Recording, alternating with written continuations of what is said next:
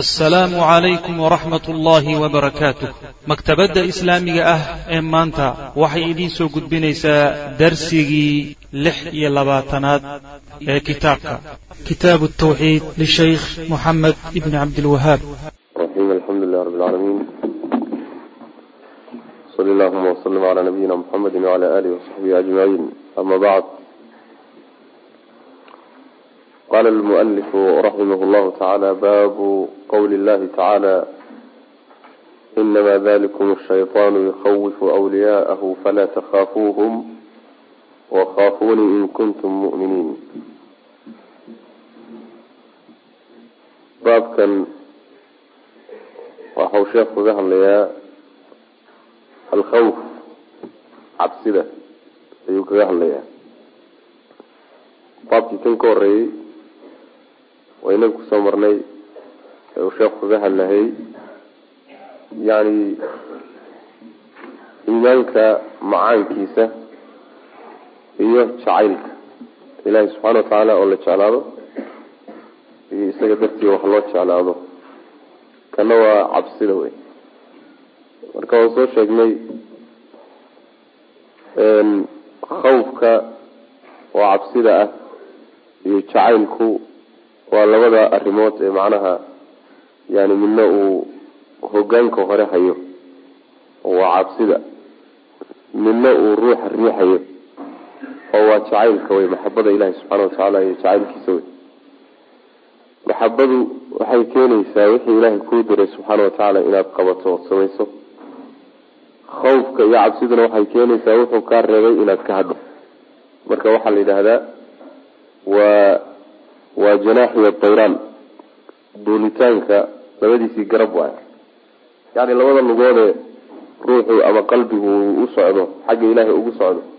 Labadii lugoodee lagu soconay wey macnaha waxay culimadu ay ka hadlaan khawfka iyo rajaha. Koodaa koodee macnaha waxa weya ruuxu uu u badanaya uu xoojinaya.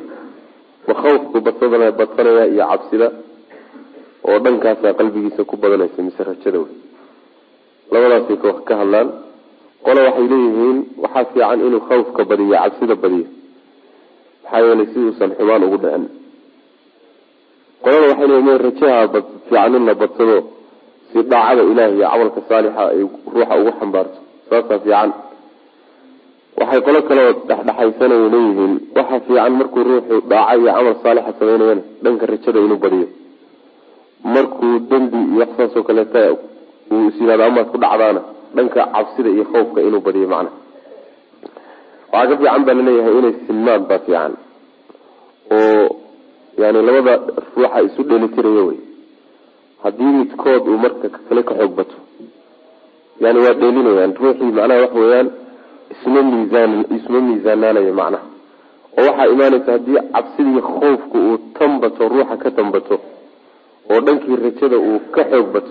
Waxaa imaanaysa ruuxii inuu ku dhaco wax la yidhaahdo cudur la yidhaahdo alya-su walqanuut min raxmat illah ilahay naxariistiisaoo laga quusto waa halis wa haddii dhanka rajadu ay tan badato iyadu ay xoog badatona kafadaasi rajaxantana waxaa imaanaya ruuxu inuu isdhigto oo isagana ay ku dhacdo almnu min makri illah dhagarta ilahay uu ka amin noqdo iyo cadaabkiisa iska dhigto iyo wax diyaargarow haba yaraatee yani waxa uusan samaynin cuduradaasa isagana ku dhacay maana saasa marka fiican inay macnaha sinmaano ruuxu marna ilahay cadaabkiisa iyo ciqaabtiisa iyo cadhadiisa iyo dhankaa u daalacdo marna naxariistiisa ballaadhan iyo jannadiisa iyo maaragtay arrimaha inuu daalacdo macnaha.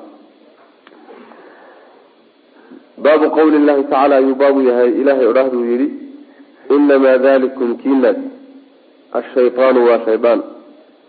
Ama inamaa dalikum kiinaasi ashaytaanu ee shaydaankiihi yukhawifu wuu idin cabsiini yukhawifukum wuxuu idinku cabsi gelini wliyaa'ahu saaxiibadii iyo dadka isaga ku xidhan. Ee falaa takhaafuuhum ha ka cabsanina. Wakhaafuunii aniga iga cabsada. In kuntum haddaad tihiin mu'miniina kuwa rumeeyey haddaad tihiin macnaheedu waxa weeye waxay aayadda ku soo degtay oy ku timid oy ka hadlaysay.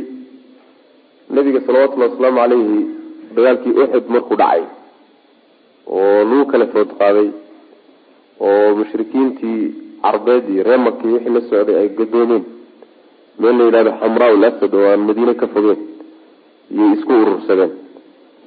Markaasaa dad bay soo fariin fareen oo soo direen oo waxay yidhaahdeen maxamed waxaad naga gaadsiisaan inaanu ku soo maqanahayo isagii inta inta macnaha waxa weye hadhayba ilan markaasi yani saxaabada ridwanullahi caleyhim ilaa toddobaatan nin baa laga dilay markaas oo dharbaaxa ku dhacday waxoogaa marka inaanu ku dib ugu soo laabanayno oo nu doonayno intii hadhayna inaanu soo fuuqfuuqsano taa hala gaadhsiiyo qolyo marka socdaa nabiga u nabiguna sal alay waslam intuu diyaar garoobay wixii asxaabta raaci karay intuu la baxay yuu ka daba tegey meeshaasu kaga daba tegay macnaha marka kuwa socdo oo ay soo direen ree maka ayaa nabiga salawatullhi wasalaamu caleyhi yaa u yimid waxay yidhaahdeen nimankii ree maka iyo awoodoodii iyo quwadoodii iyo wax badan oo kaloo soo raacayba waa kuwan oo idinku soo socdaan macnaha marka taasaa marka aayaddu ay ka hadlaysaa. Waxaa ka horreeyey aladiina qaala lahum nnaasu ina annaasa qad jamacuu lakum fakhshawhum fazaadahum iimaana waqaluu xasbuna allah wanicma alwakiil fainqalabuu binicmati min allahi wafadlin lam ymsashum suu watabacuu ridwan allahi wallahu duu fadlin cadiim inamaa dalikum shayaan wey marka saas maana yani aayadka waxay ka soo hadlayeen muslimiiniintay sifaynayeen waa kuwa dadku ku yidhaahdeen dadkii oo dhan baa isukiin urursaday warnimayahu ka cabsada arrintaasi iimaan iyo kalsooni ilahay ka kalsoonida ugu kordhisayba cabsi cabsada iska wadaay waxayna yidhaahdeen ilaahay baa nagu filan cid kale loo dhiibtana isagaa u nicmo lahaaday nicmo ilaahay bay markaa la gadoomeen iyagoo wax dhiba soo gaadhin iyo fadli. Xumaanina ma soo gaadhina wax dhibaataa kuma dhexin waxayna raaceen ilahay ridihiisa subxaana watacaala allana fadli weynkii u saaxiiba wey inamaa dalikum marka kii kiinaas ashaytaanu ee shaydaanka ah kaas warka idiin soo gudbiyey ee nimankii gaalada ahaa awoodoodii iyo quwadoodii idin keenay kadibna ka cabsada idin leh shaydaankaasi uun awliyadiisa iyo dadka isaga ku xidhan buu idinku cabsigelinaya shaydaanku waa kii weynaa kuwa hadalka soo teginayana isagay macnaha u adeegayaan. Macnaha dadkiisiibuu buunbuunin oo wax xoog badan buu ka dhigi oo inay idin jeeri buu ka dhigi oo inaysa waxba idinka reebeynin buu idinkaga dhigi. Qalbigooda qalbigiinu yani waxa wey gelinaya cabsida inaad ka cabsataan buu qalbiga idin gelinaya.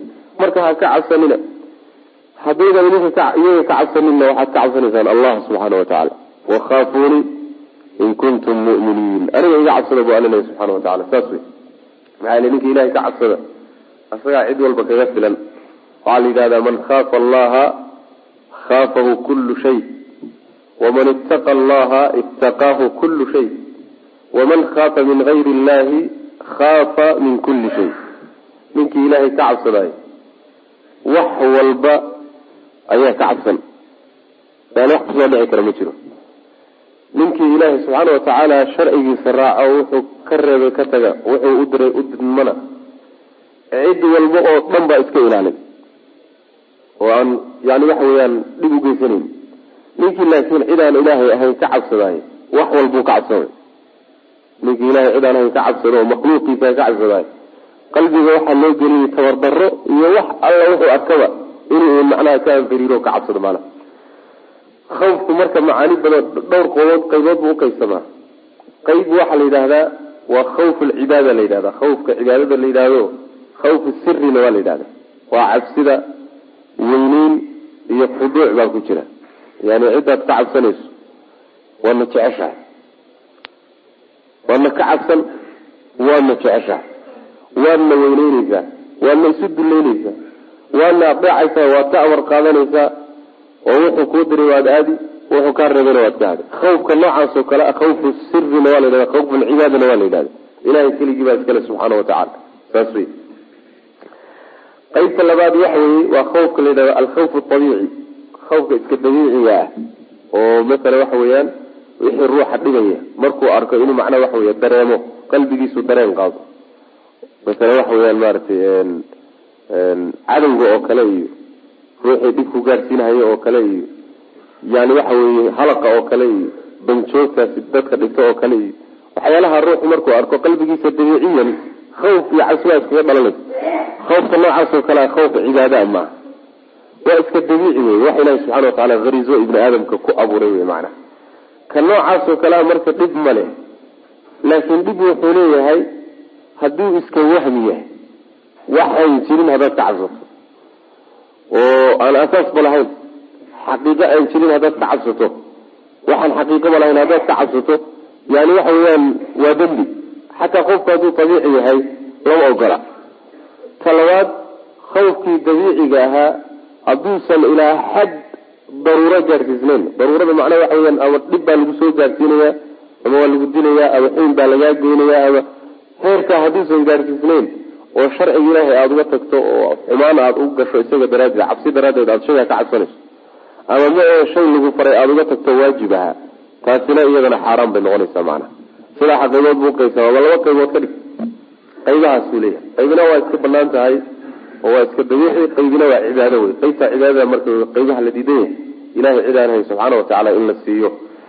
Wa qawlihi tacaala ayuu baab u yahay inamaa yacmuru waxa uuna camira masaajid allahi ilahay masaajidiisa waxa uuna camira man aamana cida rumaysa billahi ilahay rumaysa walyawmi alaakhiri maalinta aakhara rumaysa oo wa aqaama asalaata salaada hagaajiya.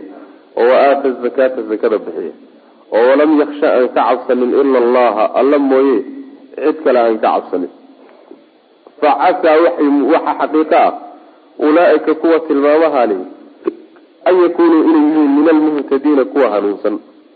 Masaajid ilahi waxaa camira dadka tilmaamaha laga helay. Alimaanu billah ilahay bay rumaysan yihiin maalinta aakharana way rumaysan yihiin salaadoodana way hagaajinayaan. Wa aqaamu salaata macnaha sidii sharcigu ugu talagalay bay salaada u tukanayaan wey khushuucdeedii iyo arkaanteedii iyo hay'aadkeedii iyo kulli.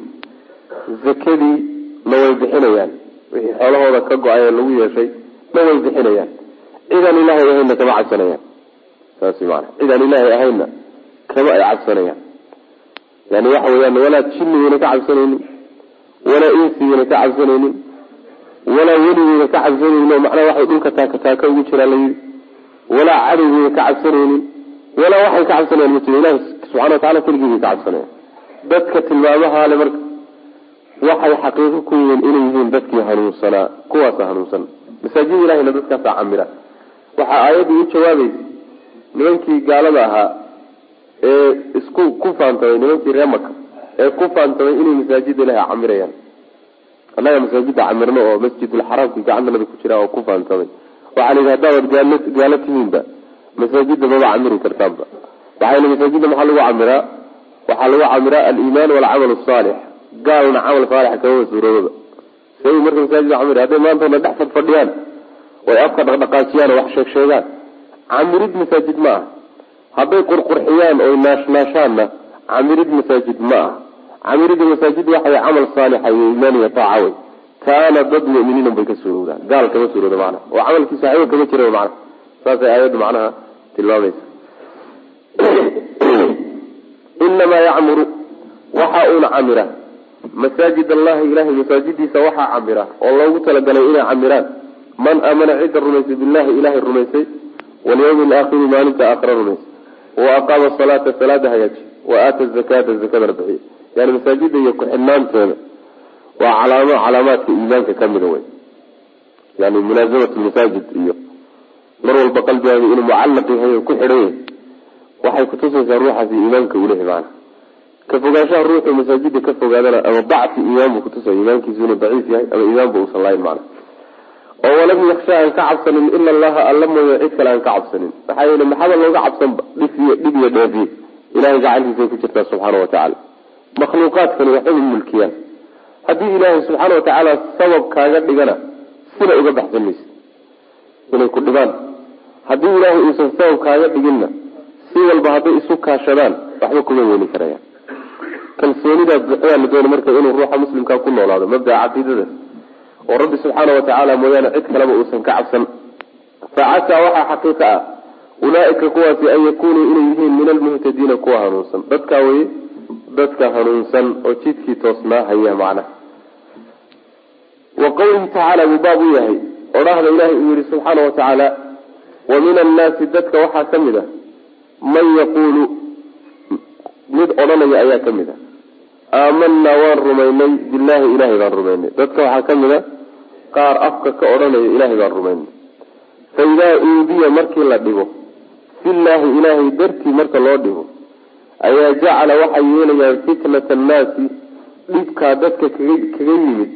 Waxay ka yeelayaan ka cadaabillahi ilahay cadaabkiisa oo kale ka dhigayaan dadka qaar waxaa jira iimaanku uusan qalbigooda aada u tegin ousan ugu biyo dhigin ugu xididaysanin idan iimaanku xidid buu leeyahay oo dacfi buu leeyahay oo xoog buu leeyahay oo kamaal buu leeyahay oo kala dhimanaan buu leeyahay.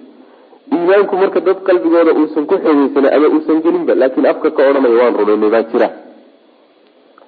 Dadkaas marka iimaanka afka ka sheeganaya imtixaan ilaahay markuu yimaado oo addoommada gacmahooda lagu imtixaano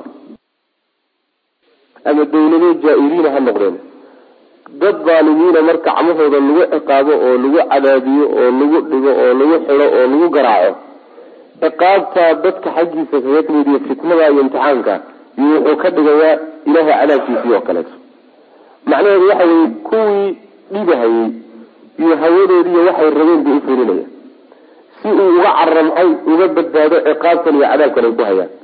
Muxuu simay marka rabbi subxaana watacaala cadaabkiisii akharo iyo kuwan dhibka kaga imaanaya ayaa isku mid la noqday. Markaasuu wuxuu is ka ilaahay subxaana watacaala bal si lagu yidhaahdaba. Ada iska geshide kuwan kadaata fitnadooda iyo dhibkooda iyo un ka badbaad. Saa daraadeed waxay rabaan la waafaq. Sidaasuu yidhi macna. Marka cadaab alle iyo dhibkii adoomada kaga imaanahayay iyo xanuunkiisii iyo cadaabkii ilaahay baa u sinaaday markaasuu kan doortay adoomada kaga imaanaya. Inuu macnaha waxa weye yani iska qabto kii ilahayna faruuba ka qaaday subxana watacala saas macnaha aayaddu ka hadlaysa yani waa waa dadka macnaha aayad kale ay tilmaantayo wa min annaasi man yacbud illaha calaa xarfin fain asaabahu khayrun itma'ana bihi wain asaabathu fitnatun inqalaba calaa wajhihi khasira adunya walaakira marka horeba cibaadadiisa iyo iimaankiisa wuxuu ahaa yaa nusnus ahaa meel dhinac ayuu taagnaa marka hadduu barwaaqo helo oo ku fiicnaado oo macnaha waxa wey wax dhiba ayna meeshaan ku soo gaadhinna wuu ku sugnaani haddii waxoogaa la imtixaanana dib buu u laaban macnaha dib buu u laabanaya. Ayaddu marka qolyahaasay tilmaamaysaa. Ibtilaaga dadka la imtixaanayo oo xagga ilaahay ka yimaadaay wuxuu isagu qadaray oo toos adoonka ugu keenayna waa noqotaa waxaa kaloo noqotaa addoommada gacmahooda in lagu ciqaabo addoommada iimaanka aan jeclayn diinta la dagaalamahayo mabdaa nacab kuwaasi gacmahooda dhibka ruuxa ku soo gaadhayana iyagana ibtilaa wey macnaha. Marka qolyahani waa qolyaha munaafiqiinta ah ama qolyo muslimiin oo iimaankoodu iska daciif yahayna way noqon kartaa macna wa min annaasi dadka waxaa ka mid a man yaquulu kuwo odhanaya ayaa ka mid a aamanaa billah ilaahay baanu rumaynay bay leeyihiin oo ay afka ka odhanayaan. Faidaa uudiya haddii la dhigo fillahi ilaahay dartii haddii loo dhigo ilahay diintiisa haddii lagu dhigo oo caqiidada lagu dhigo oo la dacaayadeeyo oo bulshadu dhigto oo dawladuhu dhigaan oo la xido oo macnaha la dilo la garaaco. Taa way macnaha ka laga hadlay faidaa uudiya haddii la dhigo fillahi ilahay dartii haddii loo dhigo jacala wuxuu yeelayaa fitnata annaas. Dadka dhibka kaga imaanaya ayuu ka cadaabillahi ilahay cadaabkiisii oo kale ka dhigaya markaasuu dadkiibuu kuwii dhibayey iyo siduu dhibkooda uga badbaado ku waafaqaya waxay wateen cadaab ilaahay iyo marka waxaa u simaaday cadaabkii dadka ka imaanay. Wax simanna ma ah wax siman ma aha. Kani waa wax dhammaanay kaasise waa joogta wey. Kani waa tabar bini aadam wey. Kaasise waa awood rabbi subxaana wa tacaala. Marka wax lasgarab dhigi karaya moohe kaas dambe siduu ruux uga badbaadi lahay inuu macnaha ku talagalay wey waxyaalo fara badan adduunka ku imaanayana uu ugu adkaysto ugu dulqaato. Saas macana cabsidii baan marka ku dhex jirne dadka ka cabsidiisa laga cabsadaayo oo diin ilaahay marka saa looga tagaayo saasay aayaddu diidantahay macana wa can abi saciidin alkhudriyi radia allahu anhu canhu marfuucan isagoo nabiga gaadsiinaya xadiidkaas oo isagu kor yeelaya ayaa wuxuu yihi ina min dacfi lyaqiin yaqiinta tabardaradeeda waxaa ka mid ah an turdiya inaad raali geliso annaasa dadka bisakhat illah ilaahay cadhadiisa inaad ku raali geliso. Wax ilaahay kuugu cadhoonayo inaad dad ku raali geliso. Taasi waxay ka mid tahay iimaanka dacfigiisa.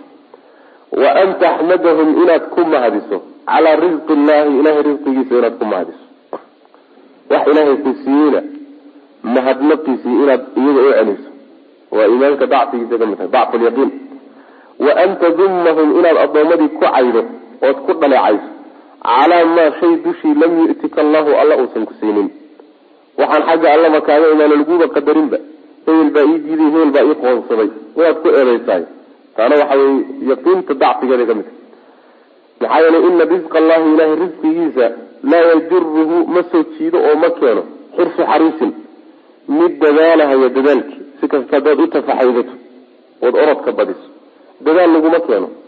Walaa yuriduhu ma celiyo ilahay risqigiisa karaahiyatu kaarihin mid wax nacab oo wax kula nacab nacaybkiisuna risqi ilahay kaa celinay saas macana asarkaas cabdullahi bni cabaas laga warinayo oo nabiga uu koryeelaya salawatullhi wasalaamu calayhi waa mawduuc waa mawduuc macnaa waxa weye xataa daciif waa dhaafisay yele sanadkiisa waxaa ku jira nin la yidhahdo ibn lximsi nin la yidhahdaa ku jira. Muttaham bilkadib waay ragga beenta lagu tumay buu ku jira.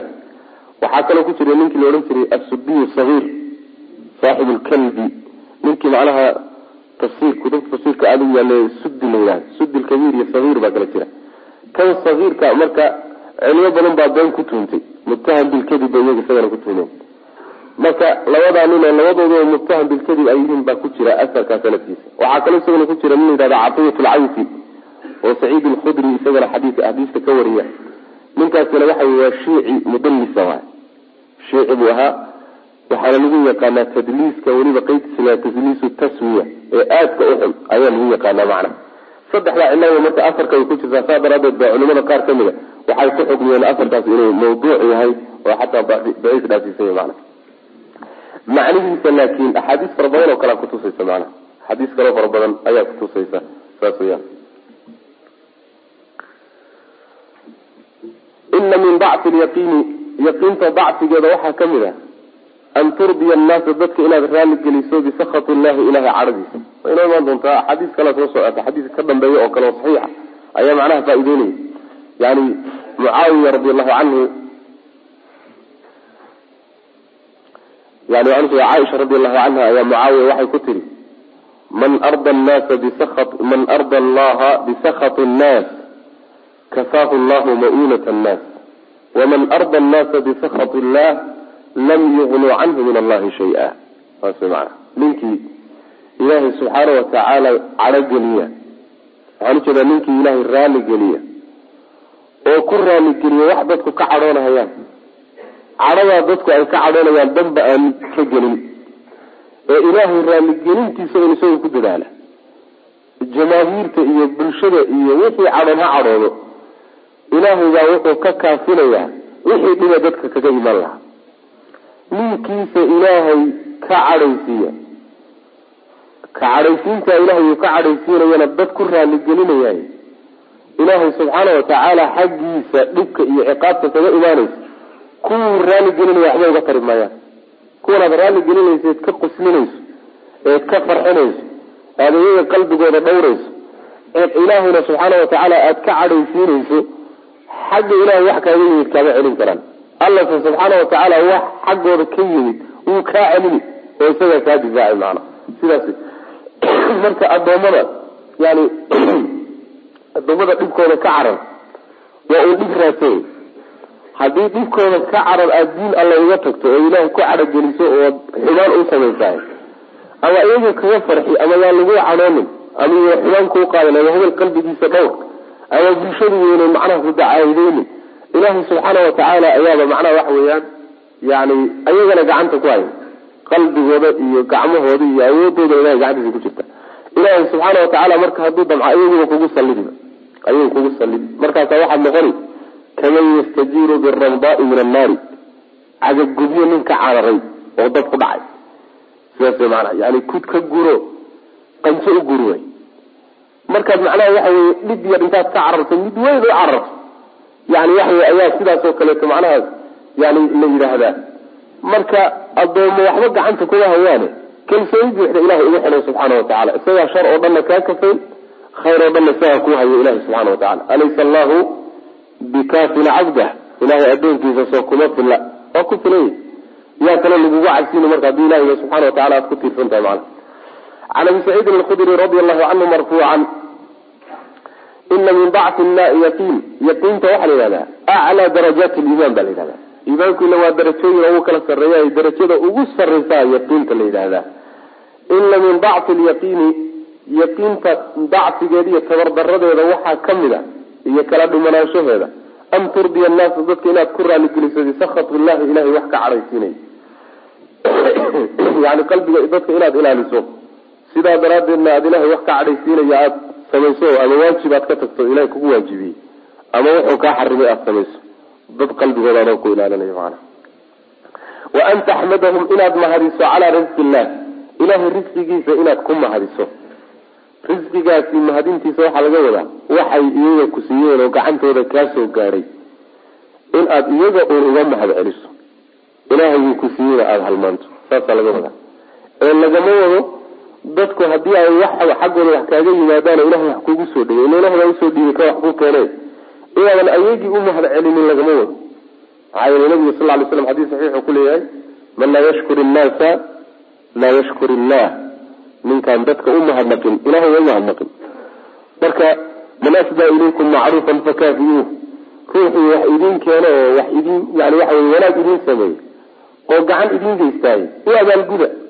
Haddaydan u abaalgudi karaynina u duceeya bu nabi uri salawatullah waslamu caleyh marka dadka in loo mahad celiya waad mahadsan tahay la yidhaahdo ma xuma bal sharcigu waa faray.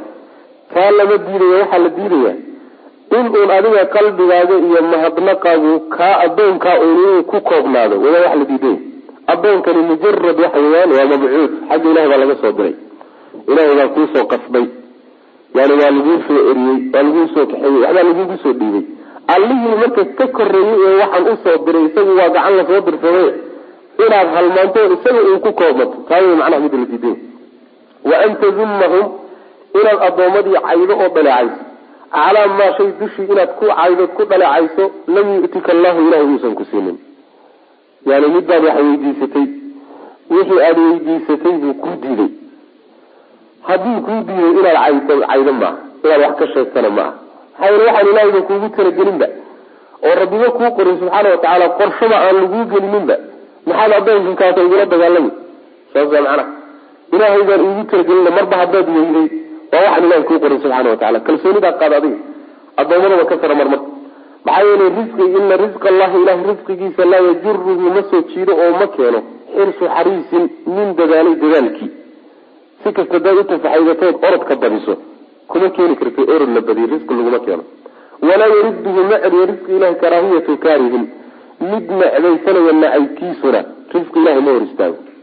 Sida ilahay ugu talagalay bay wax u fulayaan saas sumada arag dadka qaar aan nasanaynin oo waa si u baryo ilaa gabal dhac laga gaadho aan nasiinaba aqooninba. Oo haddana waxa weye waxaa soo gelayaaye uu aada u yaryahay oo waxba uusan soo gelaninba qaarna dadaal badanba ma bixinayaan. Dadaal badanba ma bixinayaan.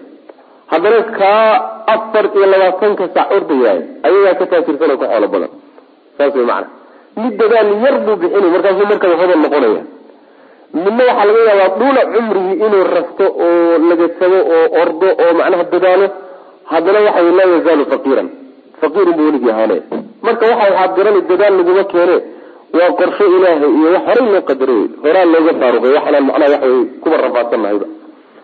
Wacan caaishata radi allahu canha ana rasuula lahi sal ly sl rasuulku qaala wuxuu yihi man iltamasa ninkii raadiya rida allahi ilahay ridihiisa ninkii raadiya bisakati nnaasi dadka cadhadooda ku raadiya wax dadka ka cadhaysiinaya oo ilaahayna raali gelinaya ninkii raadiyaayo radia allahu canhu ilahay waa ka raali noqonaya wa ardaa ilaahay wuxuu raali gelinayaa canhu xaggiisa annaasa dadkana waa ka raali gelinaya. Dadka xaggiisana raalliga ka noqonayo ilahay baa yani waxa iyagana ka raali gelin. Waman iltamasa ruuxii raadiya rida annaasi dadka ridihiisa ruuxii raadiya dadku inay ka qancaan oy jeclaadaan. Bisakhat illahi wax ilaahay ka cadhaysiinaya. Ruuxii ku raadiya dadka inuu ku raaligeliyo sakita allahu caleyhi ilahay baa u cadhoon. Wa askata calayhi nnaasa dadkana u cadhaysiin. Tala halkaasay ka go-daa waxaan ka dambe ka sokeeyo oo dhan waa maaweelo iyo wax macnaha waxa weyaan dhalanteed aan ku mashquulsannahay. Wy haddaad doonayso inuu dadku kaa raalli noqdo ilahay baa loo maraa subxaana wa tacaala quluubtu ilahay gacantiisay ku jirtaa. Dadka inaad qabsato ood hanato oo quluubtooda hanato haddaad doonayso ilahay raalli geli subxana wa tacaala ilahay haddaad raalli geliso rabbigaa subxaana wa tacaala addoommada kuu qasbi oo iyaga kaa karaali noqon oo isaga ku jeclaysiin. Maadaama isaga aada u gooday xataa kuwaad ka cadhaysiiseed ilaahay dartii uga cadhaysiisay. Kuwa xataa qalbigooda ilahay baa kuusoo degay subxaana wa tacaala waa kii xadiiska saxiixa nabigeena sal lay slam uu yiri yani ilaahay hadduu addoon jeclaado naada ahla asamaa naada jibriila. Jibriil buu u yeeraya markaasuu le jibriilow hebel waan jeclaaday jeclow. Markaasuu jibriil jeclaanaya. Jibriilna markaasuu samaawaadka yani malaaigta degan ayuu u dhawaaqaya markaasuu odhanaya hebel ilaahay baa jeclaadaya hala jeclaado. Markaasaa la jeclaanaya markaasaa qabuulkii iyo jacaylkii samada laga jeclaaday yaa dhulka loo soo dejinaya adoomada ilahay baa marka lagu xidhaya saasay marka ku jeclaanaya. Marka xataa quluubta bani aadamka haddaad doonayso oo hunguri kaa hayo halkaasaa loo maraa haddii laakiin iyaga toos aad u aado ilahay baa kugu diray subxana wa tacala rabbina kuu cadhoo ayagiina lagugu dir oo way kuu cadhoodeen natiijo la'aanta marka. Marka saasaa macnaha layna baraya rabbiga subxaana wa tacaala inaan raadino isaga macnaa waxa rabbigiisa aan raadino ku dadaalno addoommada aan dhinac iska dhigin. Addoommada hawshooda iyo raalligelintooda iyo kacadhaysiintooda iyo waxaad adigu jidkaad haysaa jid sharciga ha noqdo waxaad haysaa wax ilahay raalligelinaya ha noqdo camal iyo qowl iyo wax ilahay raalligelinaya ha noqdo markaa kadib ninkii kugula dagaalama iyo ninkii ka cadhooda iyo ninkii ku farxa iyo dan haka gelin. Saas mana ilahayna udaay intaa ka dambeeya rabbi udaa subxana wa tacala wacan caaishata radi allahu canha ana rasuul lahi sal ly sl rasuulku qaala wuxu uhi man iltamasa ninkii rida allahi ilahay ridihiisa ninkii raadiya yani wuxuu ilahay kaga raali noqon lahaa ee camal ahaa ninkii la yimaada bisakati nnaasi dadka cadhadiisa. Bisababi sakati nnaas dadka cadhadiisa dartood wax dadka ka cadhaysiinaya oo ilaahayna raalli gelinayo ruuxii raadiyo oo sidaasi ku sameeyahay radia allahu canhu horta ilahay baa ka raalli noqon. Wa ardaa wuxuu raalli gelina alle canhu xaggiisa annaasu dadkana uu ka raalli gelin. Macnaha dadka qalbigoodiina ilaahay baa cadaawadiiyo colaadii ka saariyo jacayl iyo macnaha qanacsanaan buu u gelinaya inay ka qancaan addoonkaas ilaahay subxaana wa tacaala. Waman iltamasa ruuxii raadiya rida annaasi dadka ridihiisa ruuxii raadiya iyo inay jeclaadaanna bisakati illahi wax ilaahay ka cadhaysiinayo ruuxii dadka ridihiisa ku raadiya. Sakita allahu ilaahay baa u cadhoonay caleyhi dushiisa. Yani ilahay waxyaalahu ka cadhon oo ilahay naciyo sharcigiisa ka soo horjeeda dad ku raaligeliye kaga qosli ugu danee waxyaala noocaas oo kale ugu danee ilaahay baa ninkaa isagaa sakita allahu calayhi ilahay baa u cadhoon. Wa askada calayhi nnaasa dadkiina u cadhaysiin. Kuwii uu u danaynahayay ee ayaga maslaxadoodan ka shaqeynaya uu lahaaye iyaga uu raali gelinayay yuuba ilahay ku sallidi subxana wa tacala laftoodaaba laga yaaba inuu gacmahooda uu dhib ku soo gaadho misaal yar baaba macnaha idinku filano. Imisa yani waxa weye oday ama hogaamiye dooleed ah oo maslaxa qoys baan u dagaalamayaaba ku hayay. Maslaxa reereed baan wadaa. Ilaahay subxaana wa tacaala sabuq uga dhigay reerka laftiisa inay dilaan. Soo aqrab misaal maa fi saaxati somaal dib ugu laabaada horto reerku u halgamahayay intaasoo dhiba u soo maray. Laftoodibaaba dilayba waa misaal bay marka. Waxan kadaata aad macnaha isku hawlinayso isku dhigayso isku rafaadinayso rabbi hadduu damco subxaana wa tacala iyaga laftooduba kugu diriba. Wa ficlina sidaas wey maxaa yeele iyagaad ilaahay subxaana wa tacala ku caragelisay. Ilaahay kuwaad ku caragelisay buna ilahay subxaana wa tacala kugu sallid kuwo kale iska badaayo ka sii shisheeye macna. Rawa waxaa weriye xadiidka isaga ibn xibaan baa wariyey fi saxiixii buu ku wariyey xadiidku waa xadiis saxiix. Silsilada iyo saxiix ljaamic sagiirka labadaba sheekh naasir waa ku soo guuriyey fiihi masaa'il masaa-il dhowraa ku jira. Alula masalada kuwaad waxay tafsiru aayati ali cimraan aayadii ali cimraan ku soo aroortay tafsiirkeeda. inama dalikum shaytaanu yukhawifu awliyaahu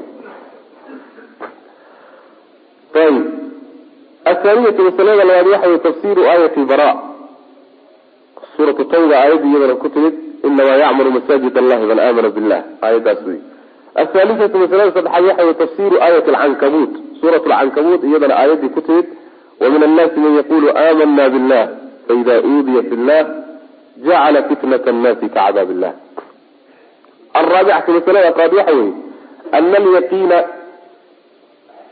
yaqiinta yadcufu wuu tabar dhigaa wayaqwa wuu xoogeystaa yaqiintu yani iimaanku marna wuu xoogeystaa marna wuu daciifaa sidaasi waa caqiidati ahli sunna waljamaca kitaabkiiyo sunadaana macnaha kutusaya yani iimaanku shay hal meel uu joogo dadkao dhan iimaanka ka seeyihiin iimaanku marna kor buu u kacaa marna hoos buu dhacaa dadkuna iimaankoodu waa kala gidsiya qaarna iimaankoodu waa xoog badan yahay qaarna waa tabar yar yahay. Saas wey macna oo iimaanka waxaa xoogeeya oo xoojiya oo macnaha waxa weeyaan tabar siiya waa acmaasha saalixa wey waxaa daciifiya oo dila oo dhaawaca waa dunuubta wey dunuubtuna way dhaawacdaayo marka dambe iimaanka inay tirtirtaa laga yaaba wixii camal saalixa iyo khayr ah ee adoonku la yimaadana iimaankiisa ku xoogeysta macna.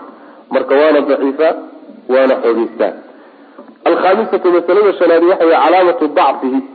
Iimaanka dacfigiisa markuu tabar dhigo oo daciifa calaamada lagu garto wa min dalika calaamada waxaa ka mid a hadihi halaatu saddexdan asarka cabdullahi bn cabaas lagu sheegay yani dadka inaad raali geliso oo waxa ilahay nacib yahay ku raali geliso iyo inaad ku mahadiso risqi ilaahayba uu ilaahay ku siiyey subxaana watacaala iyo waxaan ilahayba kuugu talagelin inaad dadka ku eerayso oon rabbiba subxaana watacala ku siinin asaadisatu masalada lixaad waxa wey ana ikhlaasa alkhawfi cabsida oo loo gooni yeelo lilahi ilahay loo gooni yaalahay min alfaraaidi waajibaadkay ka mid tahay inaad cidda aad ka cabsan ilahay keligii ay noqoto oo makhluuqaadkiisa iyo adoomadiisa kulligood meel aad iska dhigtahay waajibaadka diintay ka mid tahay oo qalbigaaga iimaankaasi galo.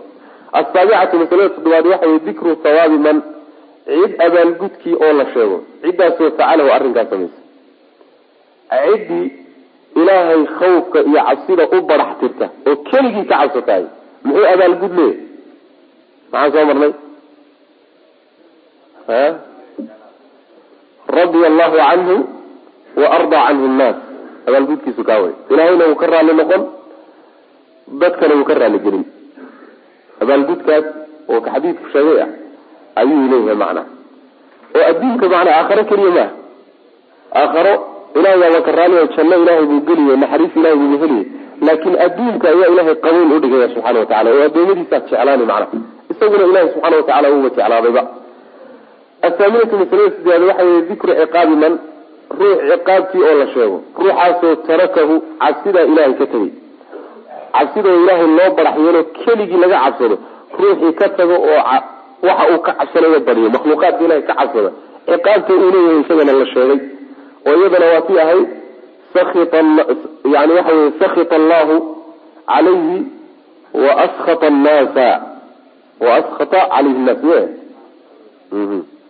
y sakita allahu calayhi wa askhata calayhi nnaas ilahayna wuu cadhoon dadkana wuu cadhaysiin oo ilah hadduu cadhoodana aakhare ciqaab buu leeyahy oo naar buu gelaya macna maxaa tawxiidkiisaa kala dhiman oo dhaawacan oo iimaankiisaa dhaawacan adduunkana wuxuuba ku noolaanba cidhiribuu ku noolaan haddii dadkii lagugu diro oo qaraabadaadii lagugu diro oo saaxiibadaa lagugu diro oo addoommada oo dhan lagugu soo jeediyo oo lagu na-o yani waxa wey nololi kuma taalla adduun. Marka adduunkana dhib aakharana cadaab ilahi subxaana watacaala saas daraadeed badbaadadu waxay tahay in ilahay keligii laga cabsado subxaana watacaala makhluuqaadkuna ay ku ahaadaan makhluuqaad adiga kula tabar ah. Awoodina ayna gacan inaygu jirin ilahi subxaana watacaala ayay tala ka go-daa. Dhib iyo dheef labaduba. Hada wabilahi tawfiiq. Wsala allahuma waslama cala nabiyina muxamedi wala alihi wasaxbi wasalam bismi llahi raxmaan raxiim alxamdu lilahi lcaalamiin sali allahuma waslm cala nabiyina muxamedi wala alihi wasaxbihi ajmaciin ama bacd qala almualifu raximah llahu tacaala baabu qawli llahi tacaala wacala allahi fatawakkaluu in kuntum mu'miniin macnaheedu waxa weye baabkan sheekhu wuxuu kaga hadlayaa tawakulkuu kaga hadlayaa. Tawakulka ayuu kaga hadlayaa. Tawakulka waxaa la yidhahdaa alictimaad cala allah fi xusuli lmatluub wa dafci lmakruh maca athiqati billahi wa ficli lasbaab alma'duuni fiiha macnaha waa in ilaahay la cuskado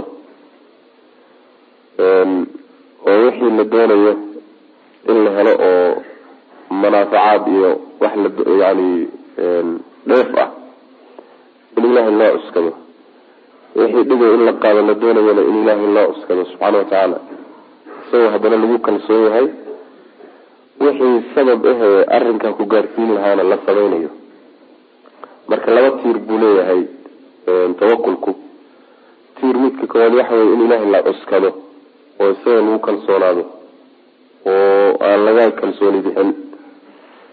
Ta labaadna in wixii asbaabaha ee ilaahay subxaana watacaala uu sameeyey in lala yimaado la sameeyo. Macnaa waxa weeye inuu ruuxu sacyi iyo dadaal sameeyo oo intuu iska fadhiistay uusan in ilahay baan tala saartay. Maxaa yeelay yani asbaabtaas uu ruuxu la imaanayo oo masalan hadduu carur rabo inuu guursado hadduu xoolo doonayo inuu dadaalo oo macnaha waxawey sacyiyo oo jid xalaala wax ku raadiyo ilaa akhirihi yani inuu shaylinkaato wixii sababkiisa ahaa la yimaado iyaduna waa laga maarmayaha maxaa yeelay sababkoo laga tago waxay yani ku tahay ceebeyn ilahay xikmadiisa subxaana watacaala maxaa yeele asbaabtiiyo musababaadka ilahi waa isku xiray subxana watacaala asbaabtaasoo la cuskado oo iyada uu lagu kaaftoomo oo iyada lagu kalsoonaado ilaahay la halmaamana tawxiidkay iyadana dhaawac ku tahay macnaha qawli llahi tacaala ayuu baabu yahay wa cala allahi ilahay dushiisa.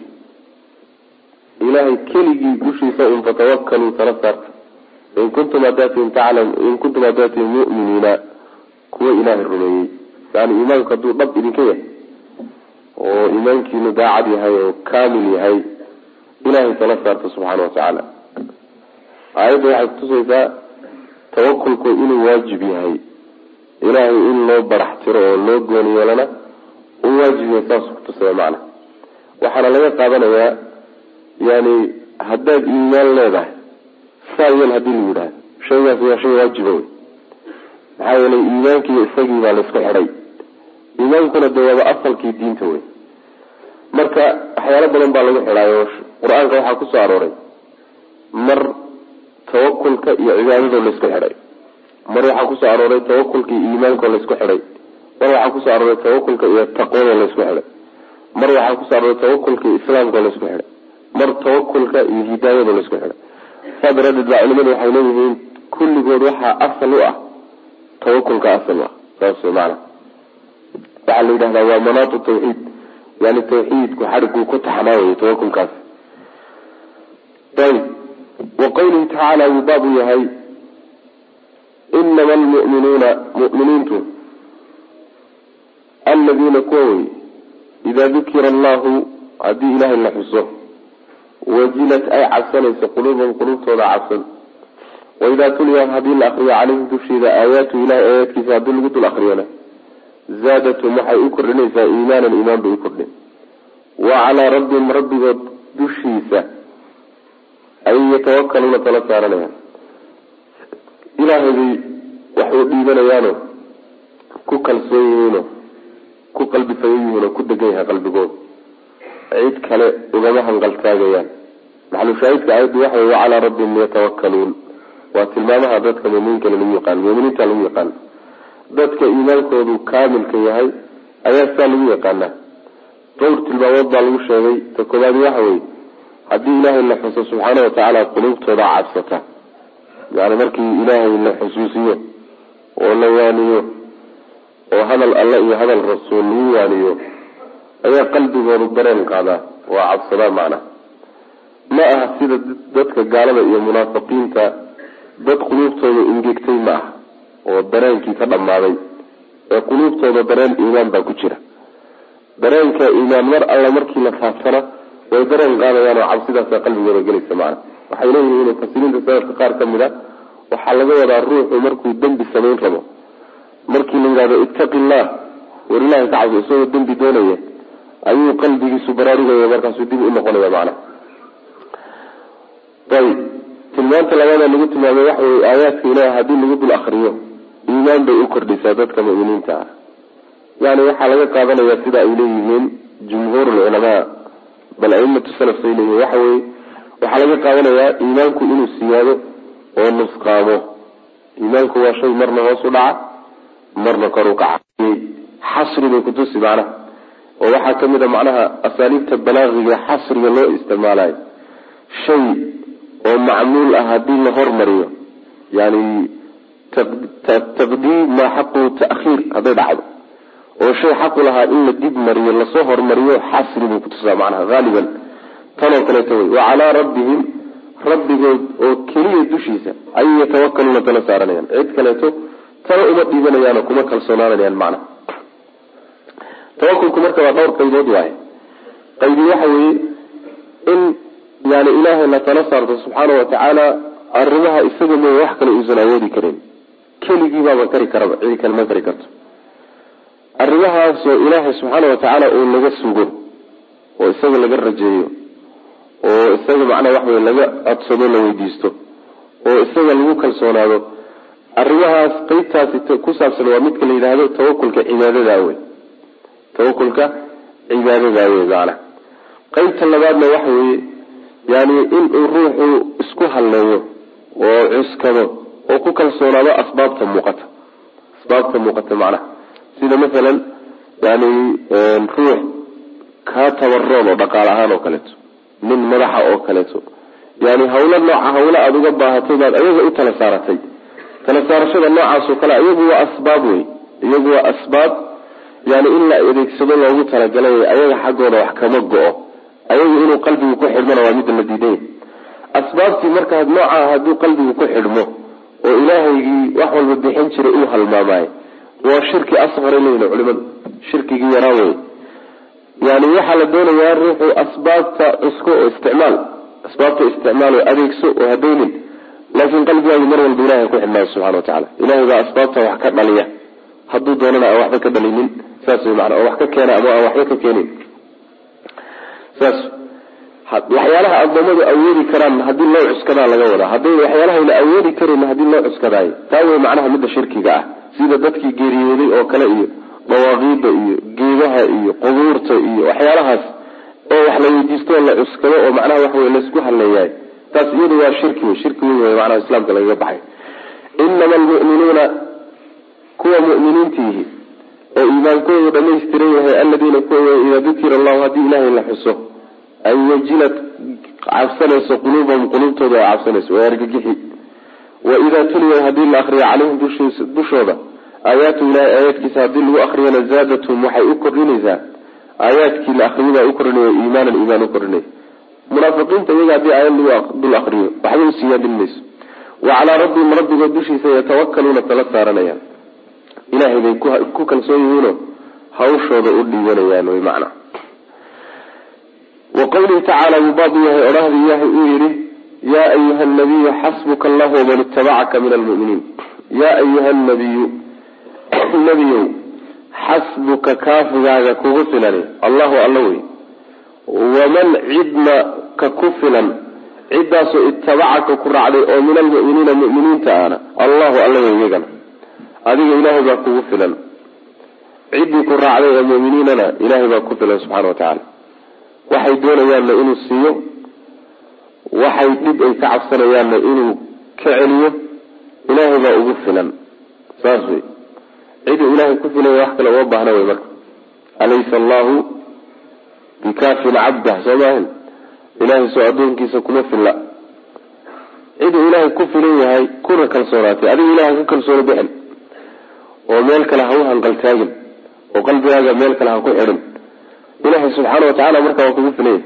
Haddii laakiin meel kale aada aado waa inagii soo marnay man tacallaqa shay-an wukila ilayh ninkii shay isku xidha oo ilahay intuu ka kalsooni baxo makhluuqaadkiisa kale isku xidho oo qalbigiisa ku xidhaayo kuwa unbaa loo dayn oo loo tala saaran macnaha makhluuq haddii lagu tala saartayna waa tabartiisa waa layska ogyahay waxba kugu biirin maayo macna.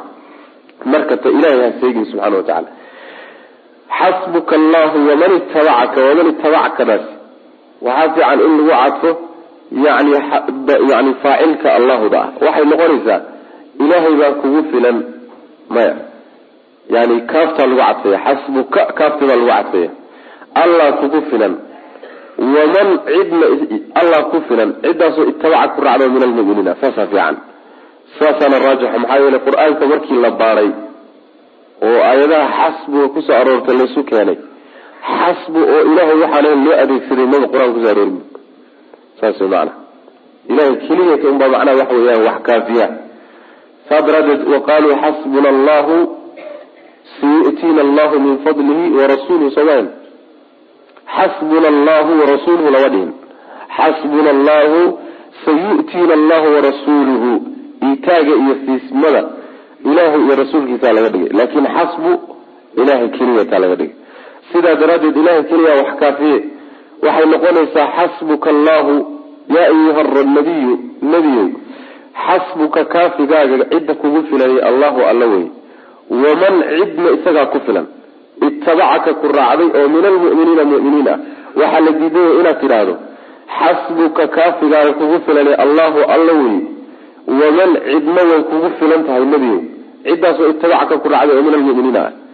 Ilaahay waa kugu filan yahay mu'miniintuna waa kugu filan yihiin. Saas macnaha la diidan yahay wy oo macnaha mu'miniintiina laga dhigo kuwa nabiga ku filan salawatullahi wasalaamu caleyh maya taasaa la diiday. Ilahay unbaan ku filan nabigiisa wey wa qawlihi tacaala ayuu baab u yahay waman yatawakal cala allah ninkii ilaahay tala saarta fa huwa alla ayaa xasbuhu kaafigiisa ah. Ilahay baa ku filan wey macnaha ninkuu ilaahay ku filan yahayna ninna mahunguriyeyn karayo ninna mahunguriyeyn karayo walaa jidhi buusan ka cabsanayn walaa wuxuusan ka cabsanayn macnaa waxa insi buusan ka cabsanayn walaa makhluuq kaliuusan ka cabsanayn cidina mahunguriyeyn karto. Nin ilaahay subxaana watacaala hawshiisama hayo oo rabbi subxaanahu watacaala uu u talinayo oo ku kalsoon ninkaasi cidina iskuma taagi karaysa macnaha midna mahunguriyen karayo wixii dhib ee caadiya adduunka ilahay ugu talagalayo isaga wadani ugu jirto faa-ida ugu jirto ajir uu ka helayo oo maqaadiirta ilahay way iska imaan laakiin rabbi subxaanahu watacaala nin uu difaacayo oo ilaalinayahay ninna wax ma gaadhsiin karayo macna. Laakiin yani addoon daciif ah oon tabar lahayn oo tabartiisu maxduud a iska tahay nin hoos galay oo yani dhib ka hoos galay ama dheef ka raadiyey kaasaa la go-san wy macna waman yatawakal ninkii tala saarta cala allahi alla dushay ninkii tala saarta oo hawshiisa u dhiibta kuna kalsoonaadaay fa huwa alle xasbuhu kaafigiisa wey. Ilaahay baa ku filan cid walbana kaga filan wey. Wa can ibni cabaasin cabdullahi ibni cabaas waxaa laga warinaya qaala inuu yihi xasbuna allahu wa nicma alwakiil. Weedhaas ilaahay baa nagu filan. Cidna tala saartuuna u nicmo leeyahay. Hadalkaasi. Qaalahaa waxaa yidhi ibraahimu ibraahim baa yaa yidhi calayhi salaam xiina ulqiya markii lagu tuuray fi nnaari dabka markii lagu tuuray. Wa qaalahaa waxaa yidhi weedhaas muxamedun sal alay slam muxamedna wuu yidhi xiina qaaluu lahu markay ku dhaheen ina annaasa dadkii oo dhan ayaa qad jamacuu lakum idiin ururay ee fakshuuhum ka cabsada. Gaaloo dhan baa isukiin uruursataye warnimadaha cabsada. Saa markii nebi maxamed lagu yidhi salawatullahi wasalaamu calayhi ayuu isaguna hadalkan yidhi. Fazaadahum ereyadii hadalkii nooca ahaayee muslimiinta lagu yidhi zaadahum hadalkaasi wuxuu u kordhiyey mu'miniinta iimaanan iimaan buu u kordhiyey. Wa qaaluu waxayna yidhahdeen xasbuna ka nagu filani allahu alla wey wa nicma alwakiil cid tala loo dhiibtana oo tala loo dirsadana isaga u nicmo lahaaday alla subxana wa tacala rawaha waxaa wariyey albukhaariyu wnasaa-i nasaa-i iyo macnaha bukhaari baa wariye xadiidkaas yani waxay xadiidku natusaya yani fadliga ay leedahay ducada iyada ah ama kelimadaas xasbuna allahu wa nicma alwakiil yani macnaheedu waxa weye ilaahay baa igu filan ruuxu markuu dhibaato ku dhaco ama dhibaato uu ka cabsanayo ama wuxuun dhib a loo soo sheego oo uu khatar galo ayaa la adeegsadaa xasbuna allahu wa nicma alwakiil ilaahay baa nagu filan. Cid tala loo dhiibtana ilaahay baa subxaana wa tacala u nicmo lahaaday. Saas way macna. Fadligeedana waxaa kutusaya nabiyullaahi ibraahim calayhi salaam markii dabka lagu tuuray oo tolkii intay mabdii iyo tawxiidkii ku diideen kadibna ay dabka u shideen oo dabka ku tuureen ayuu hadalkaa ku dhawaaqay nabiyullahi ibraahim calayhi salaam. Nabigeennina wuu ku dhawaaqay salawatullahi wasalaamu calayh. Markii isagana lagu yidhi reer quraysheed iyo nimankii aanu isa soo uruursanayno dib ugu soo rogaal celinayno isagiiyo inta hadhayno inaanu cirib tiri rabno. Nabiga marka baxay salawatullhi wasalaamu caleyh oo ka daba baxay oo meel xamraa al asad layidhahdo madiine aan ka fogeyn tagay. Ayaa warka loo keenay oo nabi sufyaan iyo odayaashii reer qureysheed iyo wax alla waxay urursan kareen wayna ku soo rogaal celinayaan. Markaasaa nabigu salawatullahi wasalaamu caleyh wuxuu yihi xasbuna allahu wa nicma alwakiil arrintii loo soo sheegay oo waa lasu kiin urursamay oo waa lasu kiin bahaystayana iimaan inayba ka qaadeenba iimaankaa igu siyaaday oo kalsoonibay ka sii qaadeen ilahay ku kalsoonay subxana watacaala hadalkaana way ku dhawaaqeen marka nabi maxamed salawatullahi wasalaamu caleyhi waa khalqi ilahay ugu fadli badan yahay ibraahim calayhi salaam xagga rususha waa fadliga nabiga rasuulka soo raaca wey maana nabigeena salawatullahi waslamu caleyh labadii marka rususha ugu fadli badnayd hadday isticmaaleen kelimadaa fadligeeda intaasaa kutusaysa macana wacan ibni cabaasin qaala wuxuu yihi cabdullahi radi allahu canhuma qaala wuxuu yihi xasbuna allahu ilaahay baa nagu filan wa nicma alwakiilu mid la tala saartana isagaa u nicmo lahaaday. Oo macnaha waxa weeyaan lagu kalsoonaado erayada iyadaa iyo kelimaadka iyagii qaalahaa waxaa yidhi ibraahimu ibraahim baa yaa yidhi oo ku dhawaaqay. Xiina ulqiya markii lagu tuuray fi naari dabka marka lagu tuuray calayhi salaam. Wa qaalahaa waxaa yidhi muxamedun sal lay slam nabi maxamed lagu yidhi xiina qaaluu lahu markay ku dhaheen ina annaasa dadkii qad jamacuu lakum way idiin urureen ee fakshawhum ka cabsada. Dadkiibaa isu kinbahaystay oo gaaloo dhan isu tagtay. Warnimayo lafihiina u dareeya oo lafihiina u tura. Oo nimankan iskaga celin kartaan aayada dhulka jooga. Markii saa lagu yidhi buu nabigu ku dhawaaqay salawatullahi waslamu caleyh fazaadahum hadalkaasi wuxuu u kordhiyey. Iimaanan iimaan buu u kordhiyey. Wa qaaluu waxayna yidhaahdeen xasbunaa ka nagu filanay allahu alla wey wa nicma alwakiilu midna tala saartana isagaa u nicmo lahaaday. Rawahu lbukhaariy wanasaa-i baa wariyey. Fiihi masaail baabka masaail dhowraa ku jirta. Alula masalada koobaad waxa weeye ina tawakula tala saarashada. Ilaahay la tala saartaay min alfaraaidi waajibaadka diintay ka mid tahay bal waajibaadka kuwa ugu waaweyn bay ka mid tahay waa tiirarka waaweyn tawxiidka waay tawxiid ma jira macnaha tawakul la'aan. Ma xagee laga qaadanaya? Xagee laga qaadan inuu waajib yahay? Wa cala allahi fatawakkaluu in kuntum mu'miniin. Waxaa kaloo laga qaadanaya in kuntum mu'miniinana waa laga qaadan. Wa cala allahiga yani la hormariyeyna waa laga qaadan macna. Maxaa yeelay iimaankiiba haddii lagu xiray tawakulka inuu waajib yahay kutusi macna. Athaaniyatu masalada labaad waxa weeye anahu tawakulku min shuruuti liimaan iimaanka shuruuddiisuu ka mid yahay. Macnaha iimaanku ma asaxayo tawakul la'aan ma kaamil noqonayo ma dhamaystirmayo tawakul la'aan iyo tala saarasho la'aan. Maxaa kutusaya in kuntum muminiina baa layidhi in kuntum muminiin haddaad iimaan leedihiin ilaahay tala saarta saas way macnaha iimaanku sharti wuxuu u yahay tawakulku u yahay athaalithatu masalada saddexaad waxa wey tafsiru aayat lanfaal aayadda suurat lanfaal ku soo aroortay la fasiro inama almu'minuuna aladiina ida dukira allah wajilat qulubuhum waay aayaddaas way macna oo waxaa laga wadaa mu'minuuna iimaankaas waa iimaanka kaamilkaa wey alraabicatu masalada afraad waxa wey tafsiru laaya aayaddii oo la fasiro. Aayaddaasoo fii aakhiriha suurat lanfaal aakhirkeeda ku taal. Aayaddaasina waa qawluhu tacaala ya ayuha nabiyu xasbuka allah waman itabacaka min almuminiin. Alkhamisatu masalada shanaad waxa wey tafsiru aayati alaaq suuratu alaaq aayaddii ku soo aroortay ee iyadana la fasiro.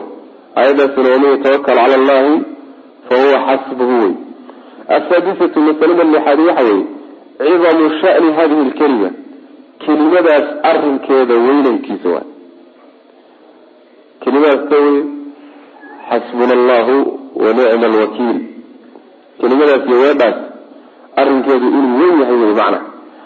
Anaha liana maxaa yeelay lianaha iyada qawlu ibraahiima nabi ibraahim hadalkiisii wey wa muxamedin iyo muxamed hadalkiisii wey calayhim asalaatu wasalaam fi shadaa'idi dhibaatooyinka dardaran dhexdooda markuu mid walba dhibaato weyn oo daran ay qabsatay ayay hadalkaa ku hadleen haddii labadii rususha ilaahay ugu fadli badnaa ay ku dhawaaqeenna de waxay kutusaysaa inay kelimo fadli badan oo fiican inay tahay macna oo in la adeegsado ay tahay macna marka inta awoowow iyo sheekhadelow iyo isirhewlowda lagu hayo ee ilaahay addoommadiisa loo dhawaaqanayo xasbuna allahu wa nicma alwakiil carabka hala bara wey macna baabu qawli llahi tacaala afa aminuu makra allah falaa ya'manu makra allahi ila alqawmu alkhasiruun.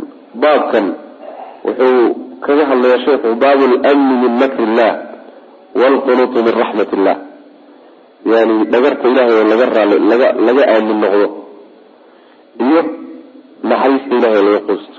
Waa laba iska soo horjeedo. Labadaasuu kaga hadlaya makriga asalkiisa waxaa la yidhahdaa makriga asalkiisa waxaa la yidhahdaa in aad ruuxa aada iska soo horjeedaan ishaysaan aada ka gaadho waxa aada doonayso inaad gaadhsiiso inaad macnaha aada gaadhsiiso meel uusan kaa dareemeynin iyo dhinac uusan kaa filaynin intaad kaga timaado waxaad rabtay inaad ugeysato saasaa la yidhahda macana ruuxaad ishaysaan ilaahayse subxaana watacaala markii la yidhaahdo yani waxa weye addoommadiisuu dhagraa oo qur'aanka saa ay ku soo aroortahay waxaa laga wadaa alla subxaana watacaala addoommada markii la kari waayo wuu u seeta dheereeya istidraaj wax la yidhahdo waa la daajiyaa waxbaa la siiyaa. Adduunka markay isku iloobaan oo isleeyihiin alalaha sidanaaba laydinku jecel yahay ismahadiyaan. Iyo ilaahi subxaana watacaala marka wuxuu kaga imaanayaa meel ayna iskaba filayninba si kada ah yaa marka loo qabanayo ilahi subxaana watacaala u ciqaabaya macna. Marka makriga kaasaa laga wadaa. Istidraajka iyo makriga iyo khidaaca iyo kulli waa isku meeshaasay wada gelayaan. Mar marka makrigu sifatu kamaal buu noqdaa marna sifatu naqsin buu noqdaa. Tilmaan ceebu mar noqdaa marna tilmaan wanaagsan buu noqdaa. Tilmaan wanaagsan marku wuxuu noqdaa makriga iyo dhagartu meel ay ku haboonayd marka la dhigo oo cid gardarnayd oo la keri waayey. Marka makri iyo dhagar lagu sameeyo waxa weeyaan waa sifatu kamaal bay noqotaa. Markuu gardarro yahayna waa sifatu naqsi waay. Sidaa daraaddeed ayaan ilaahi subxaana watacaala si mutlaq ah aan loogu tilmaami karayn makri oo lama odhan karo ilahay maakir waay.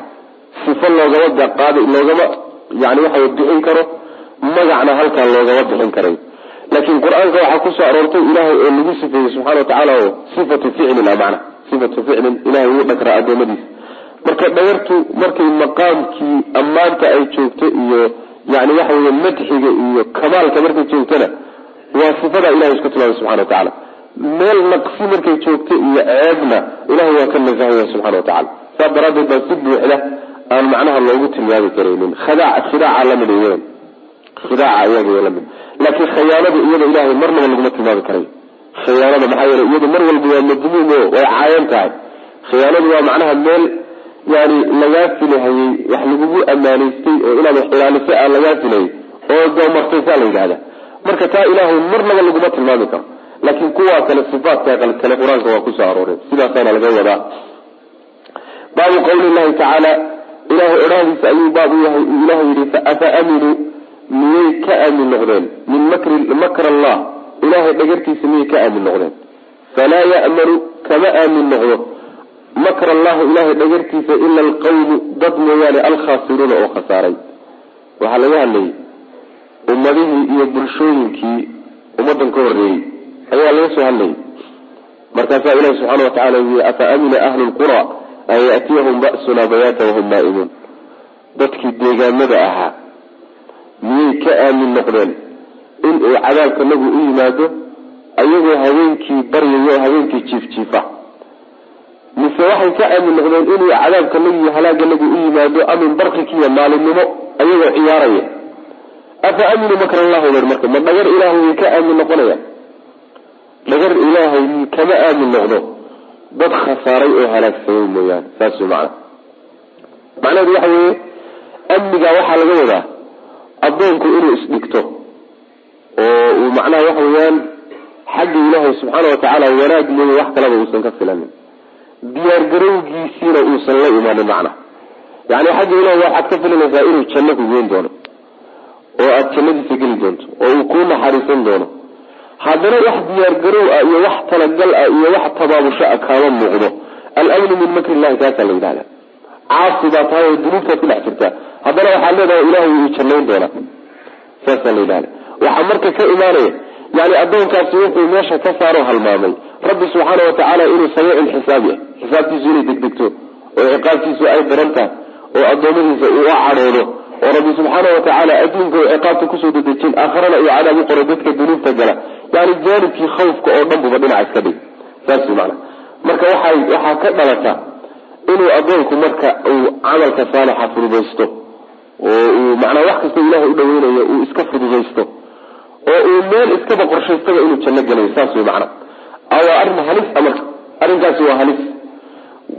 Sidaasoo kale markay dhacdo waxaa laga yaabaa addoonka ilaahi subxaana watacaala inuu risqiga u waasiciyo risqiga in loo waasiciyo oo loo barwaaqeeyo oo caafimaad la siiyo oo carruur la siiyo ayaa laga yaaba waxaa a marka haddana inuu sii gasho is yidhaahdaba alalaha adoo sidaa ahaa intan haddii lagugu sii daray waaba lagugu sii jecel yahay macnaha waxa ku sii fogaadaba. Nacasnimadiisa ismana ogee dhawar ilaahay buu ku jiraa subxaana watacaala xasan lbasri waa wuxuu yihi man wasaca allahu calayhi falam yara anahu yamkuru bihi falaa ra'ya lah ninkii ilaahay uu risqiga u waasiciyo oo aynan u muuqanin in la dhagrayaayo ninkaasi caqliga male buri saas maana xadiis kaloo saxiixa. Oo macnaha waxa ibnu jariir iyo ibn abi xaatimna ay wariyeen. Ciraaqi iyana ay tasxiixiyeen ayaa nabigu wuxuu ku lehay salawatulli wasalaamu aleyh ida ra'ayta ida ra'ayta allaha yucطi lcabda min addunya cala macaasihi ma yuxibu fainama huwa istidraaj haddaad aragto ilaahay oo addoonka adduunyada siinay oo adduunka wax ka siinay isaguna uu dembigiisii ku dhex jiro. Waxaad ogaataa addoonkaasi ilaahay dhagartiibuu ku jiraa waa lagu soo maqanya saas way maana arrinka waxaa la doonayaa inuu isku halmaamo ilaahayna subxaana watacaala ciqaabtiisii jidkay ku soo jirtaa. Goortii la qaban lahaa unbaa dhow. Marka saa ku talagal adoo laguu barwaaqeeyo haddana haddaad oon xumaantii ku foofto lagaa kari waayo ma aha laguguma jecla waxa lagu siiye adigoo dhan baaba macnaha waxa weyaan maaragtay waxaad ku jirtaa dhagar baad ku jirtaa maana halis baad ku jirtaa. Afa aaminuu ma waxay ka aamin noqdeen makra allahi ilahay dhagartiisa miyay ka aamin noqdeen? Falaa ya'manu kama aamin noqdo makra allahi ilahay dhagartiisa ila alqawmi alkhaasiruun dad khasaare mooyaane. Dadka liibaanay ee fiican ayagu mar walba way iska jiraano way ka tabaabushaystaan. Oo way diyaar garoobaan oo camal saalix iyo iimaan bay iyo kaga diyaar garoobaano way ka cararaan maana.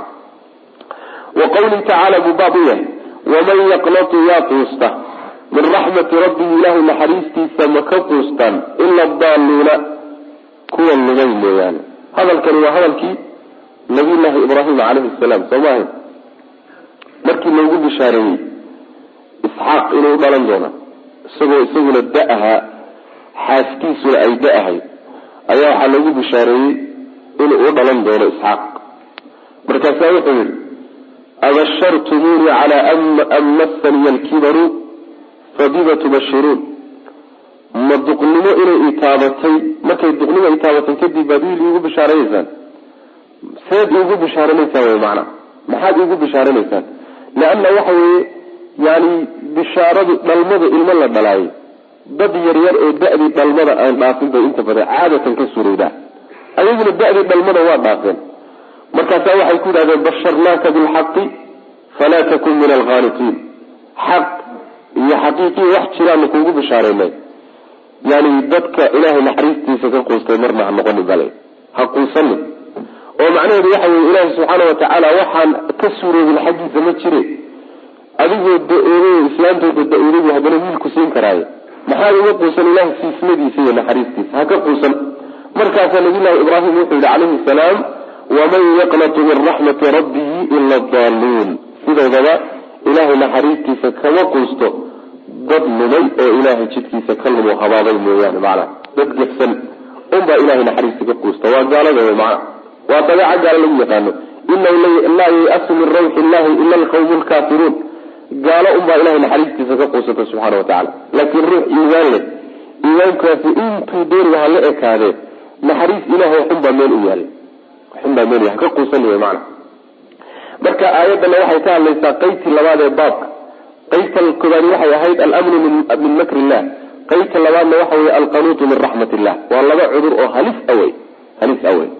Tani waxay ku dhacdaa ruuxa markii cabsida ay ka tanbadato oo addoonku uu ilaahay cadaabkiisa iyo cadhadiisa iyo ciqaabtiisa baalacashadooda intuu ku fogaado ay qalbigiisa ka tambataan ayaa waxaa ku dhaca cudur cudurkana ku dhaco ilaahay subxaana watacaala kuuba naxariisan maayo. Dembiilayaashaana u badan dadka dembiga ku dhaca dunuubta waaweyn gala ayaa u badan ilaahay kuuba naxariisan maayo. Cadaab baa agtiisa kaaga qoran. Saasoo kale markay timaado dadkaas cudurkaasi ku dhacay baa aayadani daaweyneysa. War naxariis ilaahay ha ka quusanina way ballaadhan tahay. Maxaa yeele naxariis ilahay gaalo unbaa ka quusata gaal waxba kumale laakiin muslim iimaan leh intuu doonaya iimaankiisu ha dhamaado dembigiisuna intuu doona hala ekaade ilaahay subxaana watacaala waxunbaa agtiisa u yaalla saas mana marka saasaa la doonay labadaa jid baa loo dhexeeya. Ka horena wuxuu ka dhashaa rajaho lagu fogaado kana wuxuu ka dhashaa khawfka oo lagu fogaado. Labadaasaa mid walba la doonaya inaan lagu fogaanin loo dhexeeyo macna. Yani waxa weyaan altawasutu bayna alraja walkhawf. Saasaa la doonaya mana waman yaqnatu yaa ka quusta min raxmati rabbihi ilahay naxariistiisa yaa ka quusta oo kama quusta wey mantu bimacnaa nafyiga iyo macnaha ka dhigan man yaqnatu ay laa yaqnatu kama quusta wey min raxmati rabbii rabbigii naxariistiisa kama quusto ila daaluuna kuwa jidka gabsan mooyaane uma badno dadka hadda joogaay qanuudka iyo quusashada naxariista ilahay laga quusto uma badna laakiin waxay u badan yihiin waxa la yidhaahdo alamnu min makr illah saasaa dadku u badan yihiin sababkuna waxa weeye yani caqaaidii murjiada niman murjia la yidhahdo dhib badan baa caalam islaami soo maray oo firaqda luntay ee jidka ka hamuuday ka mid a. Nimankaasa marka waxay ka tageen caqiide khabiisa oo aada u liidata oo odhanaysa yani adoonku maadaama uu iimaanba qalbigiisa leeyahay dunuubtu waxba ma yeesho. Macsiyaduna iimaan yani iimaanka waxuma dhinto yani daacaduna iimaanka ma kordhiso rususha ilaahay kuwa ugu fadli badan iyo mu'miniinta ka ugu iimaan yarna iimaankooda waa isleegihiin waa isku iimaan. Haye wax kasta ood samaysana iimaankaaga dhibba gaari maayo. Caqaaidulmurjia la yidhahda suufiyada inta badan ayay ku hadhay caqiidadaas. Can dariiqi suufiyeyna bulshada uga soo gudubtay caqaaiddaasi maana. Suufiyada u soo gudbisay. Saa daraadeed baa waxaad arkaysaa ruuxu isagoo caasi oo dambiilo wuxuu ku dhex jira alla yaabayso ayuu haddana wuxuu leeya anigu ummatu maxamed baan ahayo janna waa imeel ool taas way macana qorshaaba meel u dejisanba isagana gacanta ugu jirta muddaa macana saasaa loo badaya marka in yani ilaahay makrigiisa laga aamin noqdo. Laakiin qalla maa tajid. Aad baad iyaad u yartahay inaad aragto dad intay cabsidu ka tambadatay ay gaarsiisay inay ilahay naxariistiisa ka qustaan subxana watacala waa yaryahayn dadkaas. Wa can ibni cabaasin ibni cabaas waxaa laga warinaya ana rasuula lahi sal ly slam rasuulku su'ila in la weydiiyey nabiga cani lkabaa'iri dembiyada waaweyn ayaa la weydiiyey. Dembiyada waaweyn baa wax laga weydiiyey. Faqaala nabigu wuxuu yihi salawatullhi wasalaamu aleyh ashirku billah. Ilahay wax lala wadaajiyo wey. Ilahay adoomadiisa wax la wadaajiyo wax laysugu daro. Waalya-su quusasho wey min rawxi illah ilahay naxariistiisa laga quusto. Waalmnu isdhigasho wey min makri illahi ilahay dhagartiisa layska dhigto. Aan lays dhigto oo aan badal laga gelin oon laga diyaar garoobin saas maana laga aamin noqdo. Saddexda arrimood buu ku sheegay. Asarkan cabdullahi ibni cabaas laga warinayo xadiidkan sanadkiisa waxaa ku jira in la yidhahdo shadiid ibnu bishri nin la yidhahdo xaafid ibn xajar saduuq yukhti ayuu ku tilmaamay. Waa nin macnaa waxoogaa xifdigiisa wax ku jiraan. Laakiin xadiidka sheekh nasirdiin albani baa taxsiiniyey waa xasan. Xadiidku marka saddexda arrimood buu ku sheegaya yani dembiyada waaweyn inay yihiin. Xadiidka ka dambeeyana isaguna dhowr wuxuu macnaha ku daray. Isla iyaga ayuu macnaha waxay isaguna sheegay. Marka dunuubta waaweyn xadiisku wuxuu kutusaya dunuubtu inay kuwo yaryar iyo kuwo waaweyn la yihiin. Waficla waana sidaas. Qur'aankuna saasuu kutusaya in tajtanibuu kaba'ira maa tunhawna canhu nukafir cankum sayi'aatikum dunuubtu marka waa kala waaweynka. Dunuubta waaweyn waa kuwa ciqaab goori a lagu sheegay adduunka ama aakhare in dadka lagu ciqaabayo ama shay uu ruuxu jecel uu ku waayayo ama dhibaata kugu imaan la yidhaahdo ama lacnad laga dambaysiiyo.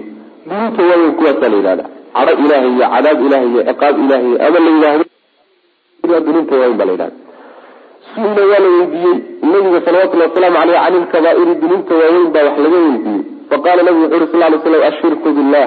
Ilahay wax lala wadaajiyo adoomadiisa waa ka ugu weyneye dembi kastoo la sheego sidaas way macna walya-su quusasho wey min rawxi illahi ilahay naxariistiisa laga quusto oo addoonku is yidhaahdaba ilaahay kuu naxariismaayo subxana wa tacala maxaa rabbiga subxana wa tacala naxariistiisu wax walbay ka ballaarhantay addoommadana way wada qaadaa way deeqdaa.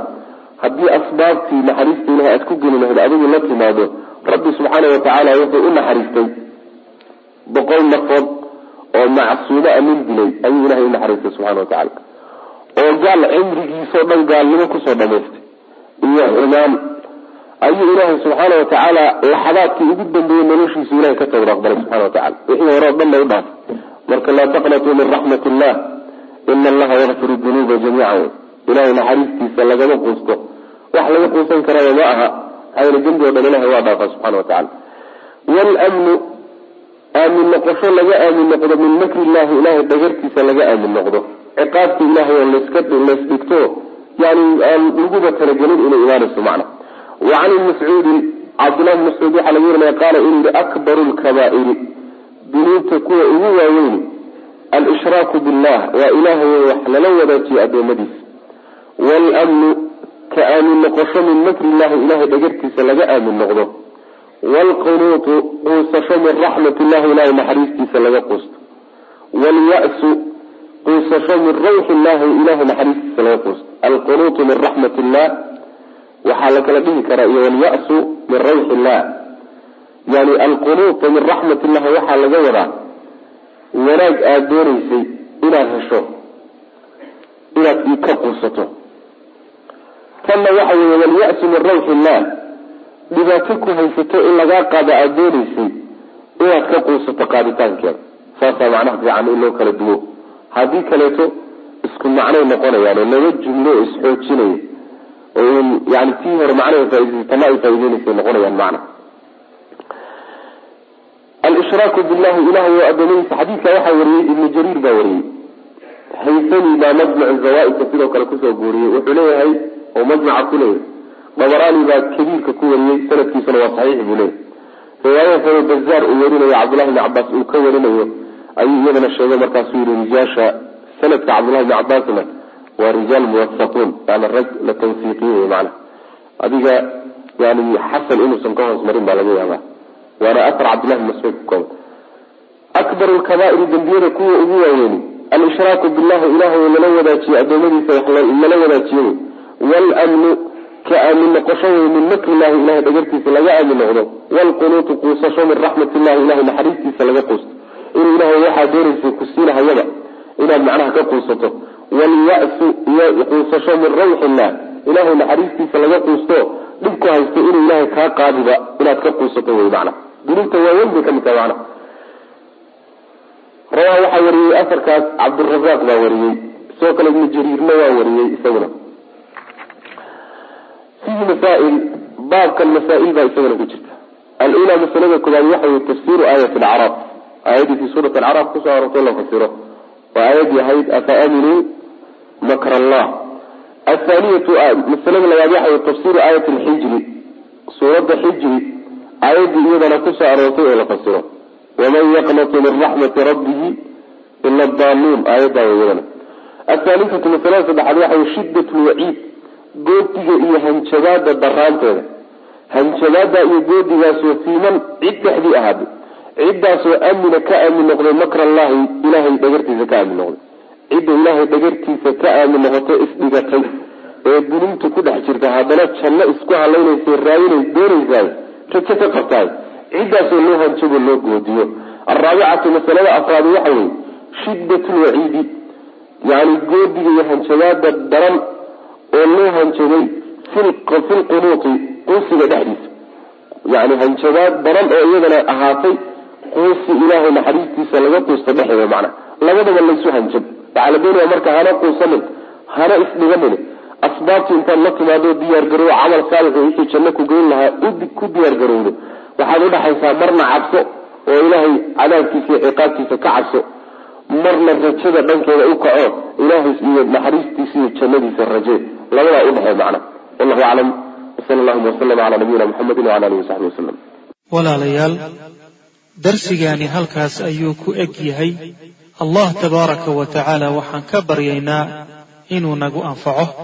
Assalaamu calaykum waraxmat ullaahi wbarakaatuh